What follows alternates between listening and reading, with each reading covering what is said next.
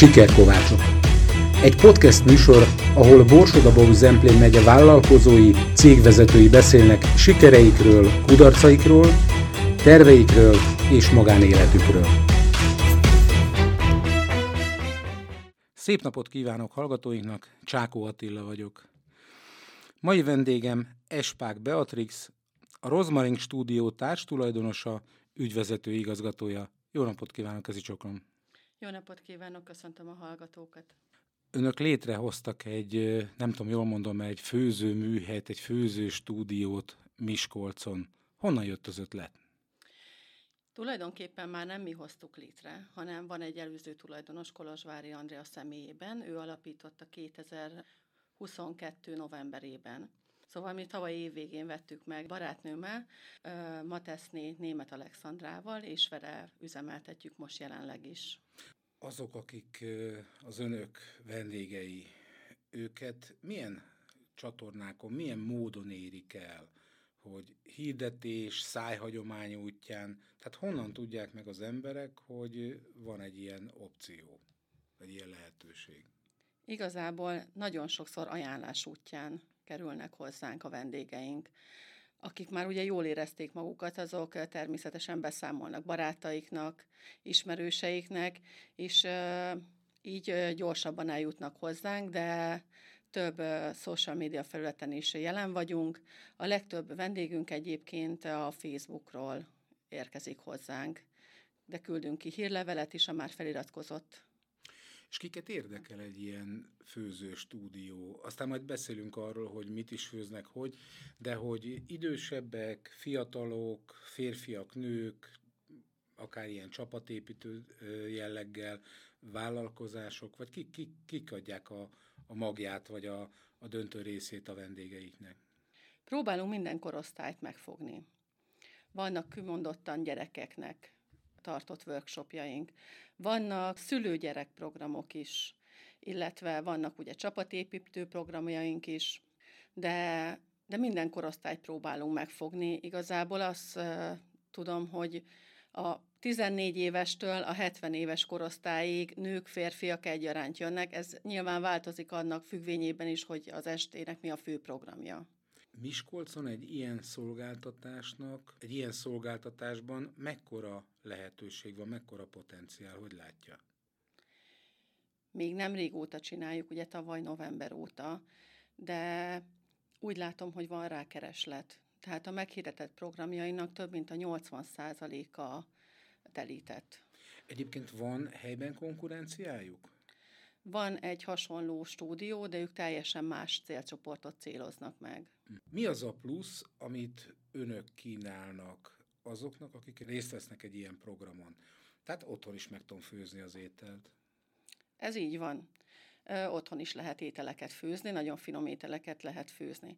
Viszont nálunk olyan tapasztalt séfek segítenek a főzésben, és olyan területeket lehet megismerni, amit otthon meg lehet próbálni nyilván elkészíteni, de nem biztos, hogy olyan sikerrel. Itt tudjuk garantálni, hogy minden résztvevő sikeresen el tudja készíteni az ételt, egy nagyon finom ételt kap, illetve nagyon jól fogja magát érezni, akár barátságok is kötődhetnek, illetve a mai rohanó világunkban egy kicsit kiszakadni ebből a darálóból, és feltöltődni, új embereket ismerni meg, élményekkel hazatérni, az egy nagyon nagy kincs. És hogy kell elképzelni, hogy az étel elkészítését, tehát az alapanyagok elkészítését is a vendégek csinálják, vagy azt készen kapják? Tehát, hogy kifolyik a szeme a hagymavágás közben, vagy már készen kap egy hagymát, hogy azt kell beletenni az ételbe? Az első lépésektől mindent ők csinálnak igazából. Úgy van, hogy van hat darab pultunk, minden pultnál két ember dolgozik. Az egyiknél általában a séf van, de hogyha több jelentkező van egy workshopra, akkor a séfnek is lesz egy párja. És közösen a séf, ahogy mutatja, ők ugyanúgy csinálják. Tehát pucolnak krumplit, vágnak össze hagymát, klofolják a húst, minden feladatot ők csinálnak. Azért a konyhatechnikai berendezések azok rendkívül drágák. Végeztek ilyen számítást, hogy ebből mikor lehet profit? A konyha felszereléseket ugye már az előző tulajdonos vette meg, nyilván mikor mi átvettük, akkor ezeknek az árát kifizettük, természetesen egy üzleti tervel rendelkeztünk. ami azt kell mondjam, hogy beváltja az eddigi tapasztalataink alapján a hozzáfűzött reményeket, tehát hozzuk azokat a számokat, amivel sikerül majd rentábilissá tenni az üzletet, és jövedelmezővé. És hogy találtak rá erre a lehetőségre, hogy felvásárolják ezt a vállalkozást? Persze ez kellett egy eladó, és hát kellettek a vevők, önök. A Andreával volt egy közös ismerősünk, akitől a helységet bérelte, és ő ajánlotta nekem, személy szerint felhívott, hogy van egy ilyen lehetőség, hogy az Andrea el akarja adni ezt a stúdiót, és mit szólnék hozzá, hogyha én esetleg átvenném. Elmentem, megnéztem, aztán Szandi is ugye bekapcsolódott a tárgyalásokba, és így közösen úgy döntöttünk, hogy akkor ezt szeretnénk megvenni. Tematikus a kínálatuk. Én így kiírtam a honlapjukról egy-két opciót. Zempléni vacsoraest, ízes Itália, ázsiai ételek, makaron workshop, és hát ezen felül még van egy jó pár, hogy ezt ki és mi alapján döntött el, hogy ezek legyenek, illetve hogy ha például valaki azt szeretné, hogy csirkenap legyen, akkor arra is hajlanak-e? Van-e ilyen igény egyébként? A festéknek a tematikáját, azokat mindig a séfek döntik el. A Zempléni estet az például Bárci Tamás, a Leves és a Borsod Burgernek a séfje és tulajdonosa fogja vezetni. Ezt a tematikát teljesen ő állította össze. Nyilván ők már nagyobb tapasztalattal rendelkeznek, mint mi, akik most kezdtük igazából ezt a területet, úgyhogy ők ö, látják, hogy mire van kereslet igazából, és ez alapján állítják össze a tematikákat. A makaron workshopot az konkrétan én tartom, és arra minden hónapban százszázalékos a jelentkezők aránya, tehát hogy ha kettő lenne, se lenne elég szerintem. És mi nincs kettő? Be vagyunk táblázva. Próbálunk minél színesebbet is, minél ja, nem a főnöke vagyok, nem számon kérem, csak hát hogyha valamire van kereslet, akkor azt kell futtatni. Igen, igen, de fontos, hogy más területeket is megismerjenek, mert azokra is van kereslet. Például az ázsiai íze is egy olyan terület, ami, ami megmozgatja az embereket és egyedi igények teljesítésére is van lehetőség? Tehát, hogy mondjuk én olasz konyha volt, mondjuk görög konyhát szeretnék? Igen, van. Próbáljuk mindig úgy összeállítani a menüt, ahogy a, a megrendelő kéri. Nyilván ugye itt egy tízfős csoportra kalkulálunk, tehát hogyha valaki szeretne görög estet, akkor szoktuk neki mondani, hogy esetleg akkor baráti társasággal, hogyha el tudnak jönni, akkor már nyolc főtől megrendezzük az eseményt. Ha viszont nem, akkor meghirdetjük, és akkor mások is jelentkezhetnek, akik érdeklődnek ez iránt, a terület iránt. És mi van azokkal, akik mondjuk valamire érzékenyek, tehát mondjuk gluténmentes élelmiszert szeretne készíteni és fogyasztani, hogy őket hogy lehet kombinálni a, a nem érzékeny vendégekkel? Hát sajnos a gluténmentes az egy olyan terület, amit nem nagyon tudunk kombinálni. Ugye nagyon fontos az élelmiszerbiztonság a gluténmentesnél, tehát oda külön eszközök kellenének, ugye ott a szállóporra figyelni kell, tehát azt nem. Viszont egy tejérzékenységnél, vagy egy ö, laktózérzékenységnél ott már tudunk, vagy egy laktóz, illetve egy tejérzékenységgel már tudunk foglalkozni, mert ott ö, külön el tudjuk határolni a, a teljes dolgoktól vendéglátásban rengeteg szabály van. Például az, hogy az alkalmazottaknak megfelelő orvosi vizsgálattal kell rendelkezniük, egészségügyi könyv kell, stb. stb. Ebben az esetben ez hogy néz ki? Hogy azért, mert ez a termék nem kerül forgalmazásra, tehát nem egy második vagy harmadik személy fogyasztja el, emiatt erre nincs szükség? Természetesen nagyon figyelünk az élelmiszerbiztonságra. Megfelelő hűtési technikákkal, illetve alapanyagkezeléssel, viszont mivel ez egy workshop stúdió, és ahogy mondta ön is, nem kerül harmadik fél kezébe. Itt, amit mi készítünk, azt mi fogyasztjuk el. Tehát ezért teljesen más szabályok vonatkoznak ránk. Ha van maradék, arra van esély, hogy azt megkapják mondjuk a Vöröskereszt, hajléktalanok, állatmenhely? Nem, nem szokott maradni. A séfek már nagyon nagy tapasztalattal rendelkeznek, és ők úgy állítják össze az anyaghányadokat, hogy azt tényleg annyi főre főzünk, ahányan eljönnek. Mit gondol a magyar ételekről? Most egy kicsit lépjünk ki ebbe a főzőstúdió világából. Mit gondol a magyar ételekről és a magyaros konyháról? És ez mennyire köszön vissza az önök kínálatában? Nagyon szeretem én a magyar ételeket, illetve a magyar gasztronómiát, illetve a magyar cukrászatot. Nekem cukrász az egyik végzettségem, és minőségi alapanyagokból minőségi ételeket lehet összeállítani, és ez számunkra nagyon fontos. Ezért vannak olyan séfeink is itt az emplénézeknél is, hogy hogy tényleg a zemplénből hozott kincsekkel dolgozunk, és azokból a hagyományos ételeket állítjuk elő, pici, pici változtatással, picit modernizálva, de például lesz most Antal Gábor séfünknek egy estje a magyar ízek pici fúzióval. Itt is a hagyományos ételeket egy kis csavarral, egy kis modernizációval fogja színesebbé tenni. Az mit jelent egyébként, hogy a körömpörköltön van, nem tudom én, kesudió, vagy mit, mit kell, hogy kell ezt elképzelni? Nem, hanem újabb technikákkal színesítik. Ja, a, konyha a konyhatechnikát, így van, a konyhatechnológia, illetve a minőségi alapanyagok, amikkel nyilván nem margarinnal dolgozunk, hanem tejtermékekkel dolgozunk, minőségi húsokkal dolgozunk, és ez, ez nagyon fontos ahhoz, hogy, hogy tényleg minőségi ételeket tudjuk előállítani. Azért egy konyha az valahol egy veszélyes üzem, forra víz, süt a sütő, kések vannak. Erre hogy készítik fel a vendégeket? Tehát van előtte egy ilyen biztonsági oktatás? Első körben van egy felelősségbiztosításunk, ami nagyon fontos számunkra, hogy mindenki biztonságban legyen, és ezt tudjuk garantálni. Mármint ez egy biztosítási, egy biztosítási kötvény. kötvény. De ettől még levághatom az Így ujjam. van, így van, teljes mértékben levághatja az ujját, de a séfeink az estelején ugye első körben bemutatkoznak, ismertetik a menüt, elmondják, hogy miket fogunk használni, milyen eszközöket fogunk használni, mire kell odafigyeljük, melyik eszköz hogyan kell használni, mert uh, nyilván van olyan, amit ők otthon nem biztos, hogy használnak, illetve odafigyelünk rájuk, uh, hogy mindenki a rendeltetésszerű használatra törekedjen.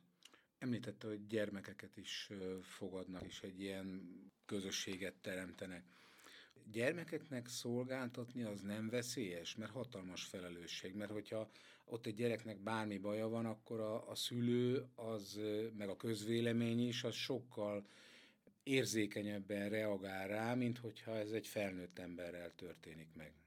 Ebben tökéletesen igaza van nagy felelősség, viszont én azt tapasztalom, nekem van három gyerekem, hogy muszáj a gyerekeket kiragadni a tévé, az internet, és Maximális a kocka világából úgymond, mert, mert nincsen, nincsen olyan program, a városunkban is nagyon kevés van, ahol hasznosan is tényleg kapcsolatokat tudnak építeni, tudnak egymással kommunikálni személyesen is, nem csak az internet térben, hogy hogy vannak, barátságokat tudnak szerezni. Nyilván odafigyelünk rá is, és nagyon fontos. A hétvégén is volt fánk workshop gyerekeknek. Ide természetesen jöhetnek a gyerekekkel szülők is, de ha nem jönnek, akkor is három felnőtt mindig ott van, akikkel figyelünk.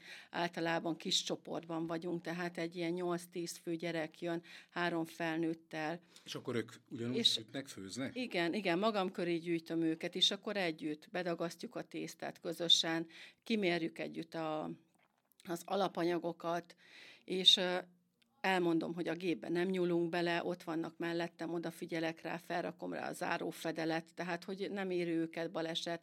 A késeket csak akkor lehet nyilván a fiókból elővenni, mikor arra engedély van, akkor is közösen vágunk, ott vagyunk mellettük. Tehát a gyerekekre maximális figyelmet kell fordítani, ezért nem is szeretnénk ilyen nagyobb csoportos rendezvényt, mm. hanem csak kis létszámba, akikre tényleg oda tudunk figyelni, és felelősséget tudunk értük vállalni. Hányan csinálják ezt az egész vállalkozást? Hát ugye van Szandi és én, akik visszük az ügyviteli részét a dolgoknak, illetve én csinálom még a cukrász vonalnak a nagy részét. Van egy bombon készítőnk, Ticsi Rita. Két séfünk van, akik az alapemberünk, akikre a kezdetektől igazából számíthatunk, ők Molnár Tamás és Hegedűs István illetve most bővítjük a csapatot is, Komáromi József, Bárci Tamás, Antal Gábor, hát most ennyien vagyunk igazából. De hát ez akkor lefedi végül is a teljes kínálatot. Így nem? van, illetve még, akit elfelejtettem, Batalaca, ő nagyon-nagyon jó kovászos pizza workshopot, illetve vadkovászos kenyer workshopot tart, ami, aminek nagyon nagy keletje van. Most már harmadszor említette a cukrászatot, hogy viszi, úgyhogy akkor beszéljünk a cukrászatról. Jó, rendben. Hogy ott mi alapján választja ki, hogy mi kerül a kínálatba? Mert említett, hogy a makaronnál óriási a kereslet, de hát biztos van más kínálat is, amit, amit kínálnak azoknak, akik szeretnének részt venni egy ilyen főző workshopon. Aminek nagy keletje van, ez a makaron és a bombon, amire mindig van jelentkező illetve én nagyon szeretem a francia cukrászatot, úgyhogy én próbálom azt a, az irányt képviselni, úgyhogy szoktam tartani musz workshopokat. Ugye most a gyerekeknek volt a fánk workshop a farsang alkalmával, húsvét előtt lesz mézes kalács készítés, azt a finom mézi cukrásza fogja tartani Nárnéston Ferika, Úgyhogy mindig, mindig, mindig próbálunk valami újat behozni, valami hagyományos vonalat is, de mégis mellette valami újat is, illetve többen jelezték, hogy szeretnének torta tanfolyamot, és akkor itt megtanulni a torta burkolás, úgyhogy most lesz csoki torta tanfolyamunk is, Úgyhogy próbáljuk én, amit imádok, az a dobos torta tetején az a cukormáz, cukormáz, hogy olyat miért nem lehet kapni, hogy csak azt? hát, mert nincsen rá valószínűleg akkora kereslet, hogy csak azt lehessen kapni, de Egyébként ez a francia vonal, amit említett, ez én azt sem tudtam, hogy ilyen van. Egy pár hónapja volt egy szintén vendéglátós vendég itt a stúdióban, és ő mondta, és azóta odafigyelek, tényleg nagyon szuper és nagyon finom. Tehát nem ez a gejl, hanem olyan, olyan, olyan fogyasztható, olyan jó. Nekem aztán lehet, hogy mástak meg a házi rétes, vagy a, nem a rétes, hanem van ez a rácsos, arra gondoltam, Igen. vagy a házi sütemény, vagy nem tudom, mindenkinek ami a, a saját ízlésének megfelel.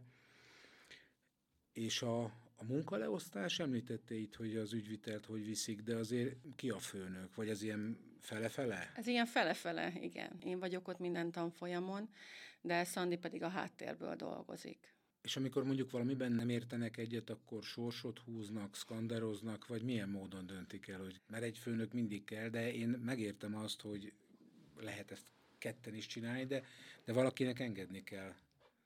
Igazából leülünk és megbeszéljük. Tehát ő is elmondja a véleményét, én is elmondom a véleményemet, még nem volt olyan, hogy ne tudtunk volna megegyezni. A dolgozókkal milyen a viszonyuk? Ők ilyen szerződéses viszonyban vannak, vagy főállásban? Alkalmi munkavállalóként foglalkoztatjuk őket, mivel nyilván hát egy, egy-egy este jönnek hozzánk, nekik van főállásuk emellett. És velük milyen a viszony? Tehát említette ezt az empléni estet, hogy azt a séf találta ki, de mennyire avatkoznak, vagy mennyire szólnak önök bele abba, hogy milyen választék legyen, mi kerüljön, illetve más országok, más főzőstúdiók tapasztalatait, azt mennyire építik be a működésükbe? A séfeink állítják minden alkalommal össze a menüt. Szóval az ő elképzelésük alapján alakítják ki. Szóval szoktunk egy kérdőévet küldeni, egy elégedettségi kérdőévet azoknak, akik már jártak nálunk, és ennek az utolsó kérdés az, hogy milyen programon szeretnének esetleg részt venni, mi az, ami őket érdekli, milyen terület, a gasztronómia mely területe, és ehhez igazodunk és meg tudjuk találni azokat a séfeket, akik ezen a szakterületen nagyon jók, és akkor ők állítják össze a menüt. Tehát ha mondjuk én görög estet szeretnék, vagy görög vacsorát, görög ételek kerüljenek terítékre, és összetrombitálom a nyolc barátomat, hogy menjünk el, akkor szereznek ahhoz egy görög ételekhez értő séfet, ha jól értem. Ez pontosan így van.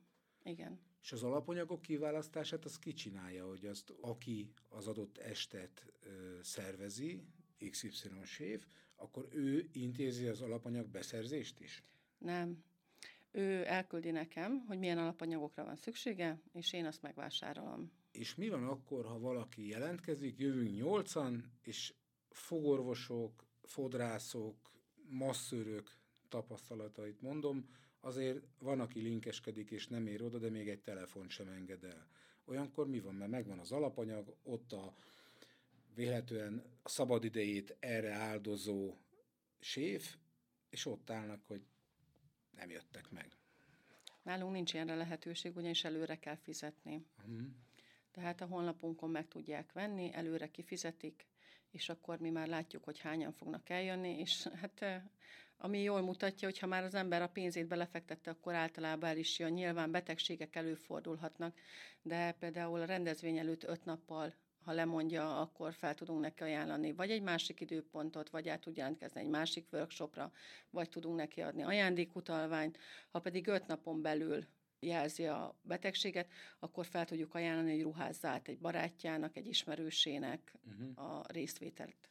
Honnan a, a szakma szeretete? A Covid idő alatt mi leköltöztünk édesanyámékhoz. Az én kisfiam teljérzékeny lett, mikor született és vidéken nem lehetett semmilyen mentes édességet kapni, és jöttek a szülinapok egymás után, és nem tudtunk honnan rendelni semmilyen, se sütemény, se tortát, és úgy gondoltam, hogy akkor én megpróbálkozom ezzel. Édesanyám világ életébe sütött, nem volt nálunk olyan hétvége, hogy ne sütött volna.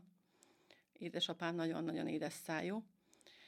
Valószínűleg tőlük ragadt rám de azelőtt ugye nem próbálkoztam vele, nem nagyon sütögettem, segítettem, de úgy nem érintett meg túlságosan. Aztán, amikor elkezdtem ezeket a tortákat csinálni, annyira magával ragadott ez, ez a dolog, hogy elkezdtem magamat képezni, különböző YouTube videókat kezdtem először nézni, aztán beiratkoztam workshopokra, mestercukrászokhoz, majd beiratkoztam, és úgy végeztem el a tanfolyamot is, a cukrász tanfolyamot. Úgyhogy igazából onnantól indult, majd volt egy nagy vágás az életemben, amikor rendőrségnél dolgoztam segélyhívó központba csoportvezetőként, de beadtam az önéletrajzomat egy szállodába cukrásznak. És leírtam, hogy igazából én hobbi cukrász vagyok, életemben nem dolgoztam termelésbe, de nagyon szívesen kipróbálnám magam, és hogyha ők úgy gondolják, hogy adnak nekem egy lehetőséget, akkor nincs más hátra, mint előre, és felhívtak, elmentem egy próbanapra, és hát a, a szálloda igazgató nem mondom, hogy nem voltak fenntartásai, de azt mondta, hogy na, próbáljuk meg egy nap, próbanap. Kellett csinálnom egy tányérdesszertet, egy meleg desszertet, meg valami süteményt és megcsináltam mind a hármat, és akkor lejött és megkóstolta, és azt mondta, hogy hát azt kell, hogy mondja, hogy lesütöttem. És utána rendezvényekre besegítettem nekik, majd felajánlottak nekem egy végleges állást, úgyhogy ott egy kicsit vakargattam a fejem, hogy most egy tíz éves munkaviszonyt feláldozzak egy, egy, egy cukrász munkáért, de úgy voltam vele, hogy, hogy megpróbálom, mert az az álmom, az a vágyam, abban ki tudok teljesülni, és akkor átmentem a szállodába, és ott dolgoztam tovább. És ki teljesedett? Hogy érzi? Nagyon-nagyon szerettem, viszont nagyon nehéz volt egy 200 fő szállodába egyedül cukrászként, a dolgozni, félpanzióra dolgozni, majd tortákat is már csináltam, Úgyhogy hat órás munkaviszonyban mentem el dolgozni, ami azt jelentette, hogy ugye reggel bementem, nyolcra és elvileg kettőig dolgoztam, de, de ez mindig több volt. De, de nagyon-nagyon-nagyon szerettem, viszont a családommal nem tudtam összeegyeztetni, úgyhogy egy fél év után muszáj volt megválnunk egymástól. És az igaz, hogy így futva dolgoznak sokszor, vagy ez csak ilyen hollywoodi elem? Nagyon oda kell figyelni. Egyébként minden pillanatot ki kell számolni, meg kell tervezni, főleg ahogy én is egyedül voltam. Úgy kell elképzelni, hogy reggel bementem, gyorsan lesütöttem a piskótákat, mert hogy utána már a szakácsok használták a sütőket, nekem már nem volt terem igazából, és fel kellett építeni az egész napot. Volt, hogy délre jöttek csoportok, ugye nekik külön volt a la carte tányérdesszertek, de estére meg kellett, hogy legyenek a sütemények is a, a svéd asztalra. De azokat a süteményeket nem csak megsütni kell, hanem azokat fel is kell szeletelni, ki is kell rakni tálcára. Tehát ö, nagyon, nagyon komplex feladat. És akkor, amikor este hazament, és azt mondta a gyermeke, hogy anyu süssél sütit, akkor utána a sarokba térdelt reggelig, vagy megsütötte neki? A lányom mindig azt mondja, hogy anya, mióta cukrász vagy, azóta sokkal kevesebb süti van itthon. És ez tényleg így is van. A bombonokra visszatérve, hogy abban nincsen piaci lehetőség, hogy nem csak ebben a főző stúdióban készüljenek, hanem mondjuk dobozolják és kiszállítják kiskereskedelembe, vagy más cukrászdáknak? Hát ahhoz már üzemi feltételek vannak, arra már teljesen más törvényi Szabályozás. szabályok vonatkoznak. Így van, De így ez van későbbiekben előírás. lehet opció? Én egy tortaműhelyt szeretnék ott majd, aminek folyamatban van az engedélyeztetése, Amik a tervei, akkor mondja. illetve az előkészülete. A bombont azt nem én tartom, azt Rita tartja, ő felső tárkányból jár hozzánk, és ezt tényleg csak ottani fogyasztásra akkor készítik. Viszont én szeretnék egy tortaműhelyt ott, a Rosmarin stúdión belül majd nyitni, meglátjuk, hogy mi az lesz miben belőle. más, hogy tortaműhely? Az már akkor nagy üzemi gyártás? Nem nagy üzemi, üzemi. idézőjelbe, de ezt tudom, hogy van egy ilyen pejoratív csengése, de mondjuk azt már lehet értékesíteni akkor majd cukrászdáknak, vagy ide-oda? Nem, az a torta műhely abban különbözik például egy cukrászdától, hogy ugye nálunk helyben fogyasztás nincsen. Előrendelés alapján készítjük a tortákat vagy desszerteket, eljön érte a megrendelő, és elviszi. Uh-huh. Tehát, hogy nincsen, nincsen ott fogyasztás igazából. Tehát kérdek egy 12 szeletes dobostortát, és akkor azt legyártják. Így van. Abban nagy van. üzlet van állítólag. Úgy gondolom, hogy van rá kapcsolat. Van, aki sufni tuningba csinálja otthon konyhában, de, de véletlenül ilyen higiénikus és profi körülmények között meg még biztonságosabb, meg talán jobb is. Így van, van rá kereslet, főleg a minőségire egyébként. Én azt látom, hogy, hogy az ember úgy van vele, hogy arra a pár alkalomra inkább megveszi a minőségi tortát, mint, mint, a, mint az olcsó tortát, és akkor a felét kidobjuk, mert, mert tehetetlen. Én, én nem szeretem, tehát mindenképpen mind a stúdióban, a workshopokon, mind a cukrászatnál tényleg törekszünk a minőségre, nagyon-nagyon fontos. Visszatérve a hagyományos ételek főzésére, sütésére, ott a, a látogatók vagy a vendégek ízlésvilága az vélhetően nem azonos. Hogy akkor egyikük, én például azt a húst szeretem, ami nincsen agyon sütve, főzve, hanem rágni kell, tehát mint egy vadhús. A másik ember azt szereti, hogyha omlik a szájába. Na ezt ott hogy lehet kiküszöbölni ezeket a, hát nem ellentét, de mégis nem azonos, a nem azonos ízvilág vagy, vagy, vagy igény. Hát itt a steak workshopot tudom felhozni, ez nagyon jó példa rá. Ugye a steaket is mindenki más fázisban szereti. Van, Igen, aki véres, véres, nem véres így van. véres. Így az van. még oké, mert akkor előbb kiveszik. De mondjuk egyik sózza, egyik beborsozza, sózza, nem tudom én, még 87 féle fűszert tesz rá, a másik meg azt mondja, hogy ő, ő csak a natur hús ízét szereti, tehát nem szereti, hogy hagyom van ízesítve. Erre is van lehetőség? Hogy Igazából akkor, ketten sütnek egy pultnál, vagy főznek egy tehát akkor csak a pultnál. másikat kell meggyőznöm, hogy így az van, a jó, hogy igen, szeretek. igen, ők fűszerezik, ők ízesítik. Értem. Elmondja a séf, hogy miket kell belerakni, és mindig kóstolnak. Ez a legfontosabb, mindig mondja a séf, hogy kóstoljanak. És akkor ők érzik, és be tudják állítani, hogy nekik mi az, ami, ami jó, az ízlésüknek megfelelő. Mhm. Ön is szokott kóstolni? Igen, szoktam. Az veszélyes cukrászatnál, nem? Idézőjelben veszélyes. Hozzáteszem, a cukrászatnál nem. Tehát nyilván szoktam kóstolni az ízeket, de hogy nem vagyok nagyon édes szájú. Tehát De én, inkább a séfeknél szoktam kóstolgatni, új ízeket megismerni. Van úgy, hogy elmegyek, ugye hát minden workshopon ugye ott vagyok, és ha előző este csináltunk valami finomat, akkor én következő nap én otthon megfőzöm a gyerekeknek. És akkor ők is megkóstolják. Náluk szoktam inkább kóstolgatni. A műsorunk végéhez értünk. Vélhetően azért ez eléggé leköti az idejét. A szervezés, a, a alapanyagoknak a koordinálása, stb. stb. De hogy mi az, ami, ami a kevés szabad idejében, amire jut idő? Tehát kvázi mi a hobbija? Van? Hát a gyerekeimmel foglalkozom szabadidőmben, amikor csak tudok egyébként. Most nagyon sok időt még az elején elvesz ez az új vállalkozás, ezzel ők is tisztában vannak. A lányom ő szokott velem jönni segíteni, úgyhogy akkor megvan nekünk az anyalánya programunk is mindig, de, de a fiúk még kicsik, úgyhogy velük is sokat kell foglalkoznunk, úgyhogy ő, ők a hobbim, illetve a kézilabda, ami, ami nagy szeretet. Ha majd felnőnek, akkor szeretné, ha ők vinnék tovább a céget? Ha lesz még akkor rá lehetőség, én szeretném. A középső kisfiam, ő nagyon szeret kóstolgatni, nagyon nagy érdeklődés mutat egyébként most már a lányom gyönyörűen rajzol, őre neki szoktam mondani, hogy tortákra esetleg ilyen kis marcipándíszeket, hogy hát ha próbálkozik ő is, úgyhogy meg meglátjuk. A kisfiam meg még kicsi, ő még, ő még nem.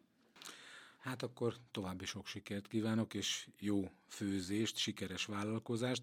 Mai műsorunk véget ért, én köszönöm hallgatóinknak a figyelmet, Espák Beatrixnak, a Rozmaring stúdió társ tulajdonosának, ügyvezető igazgatójának pedig, hogy itt volt velünk.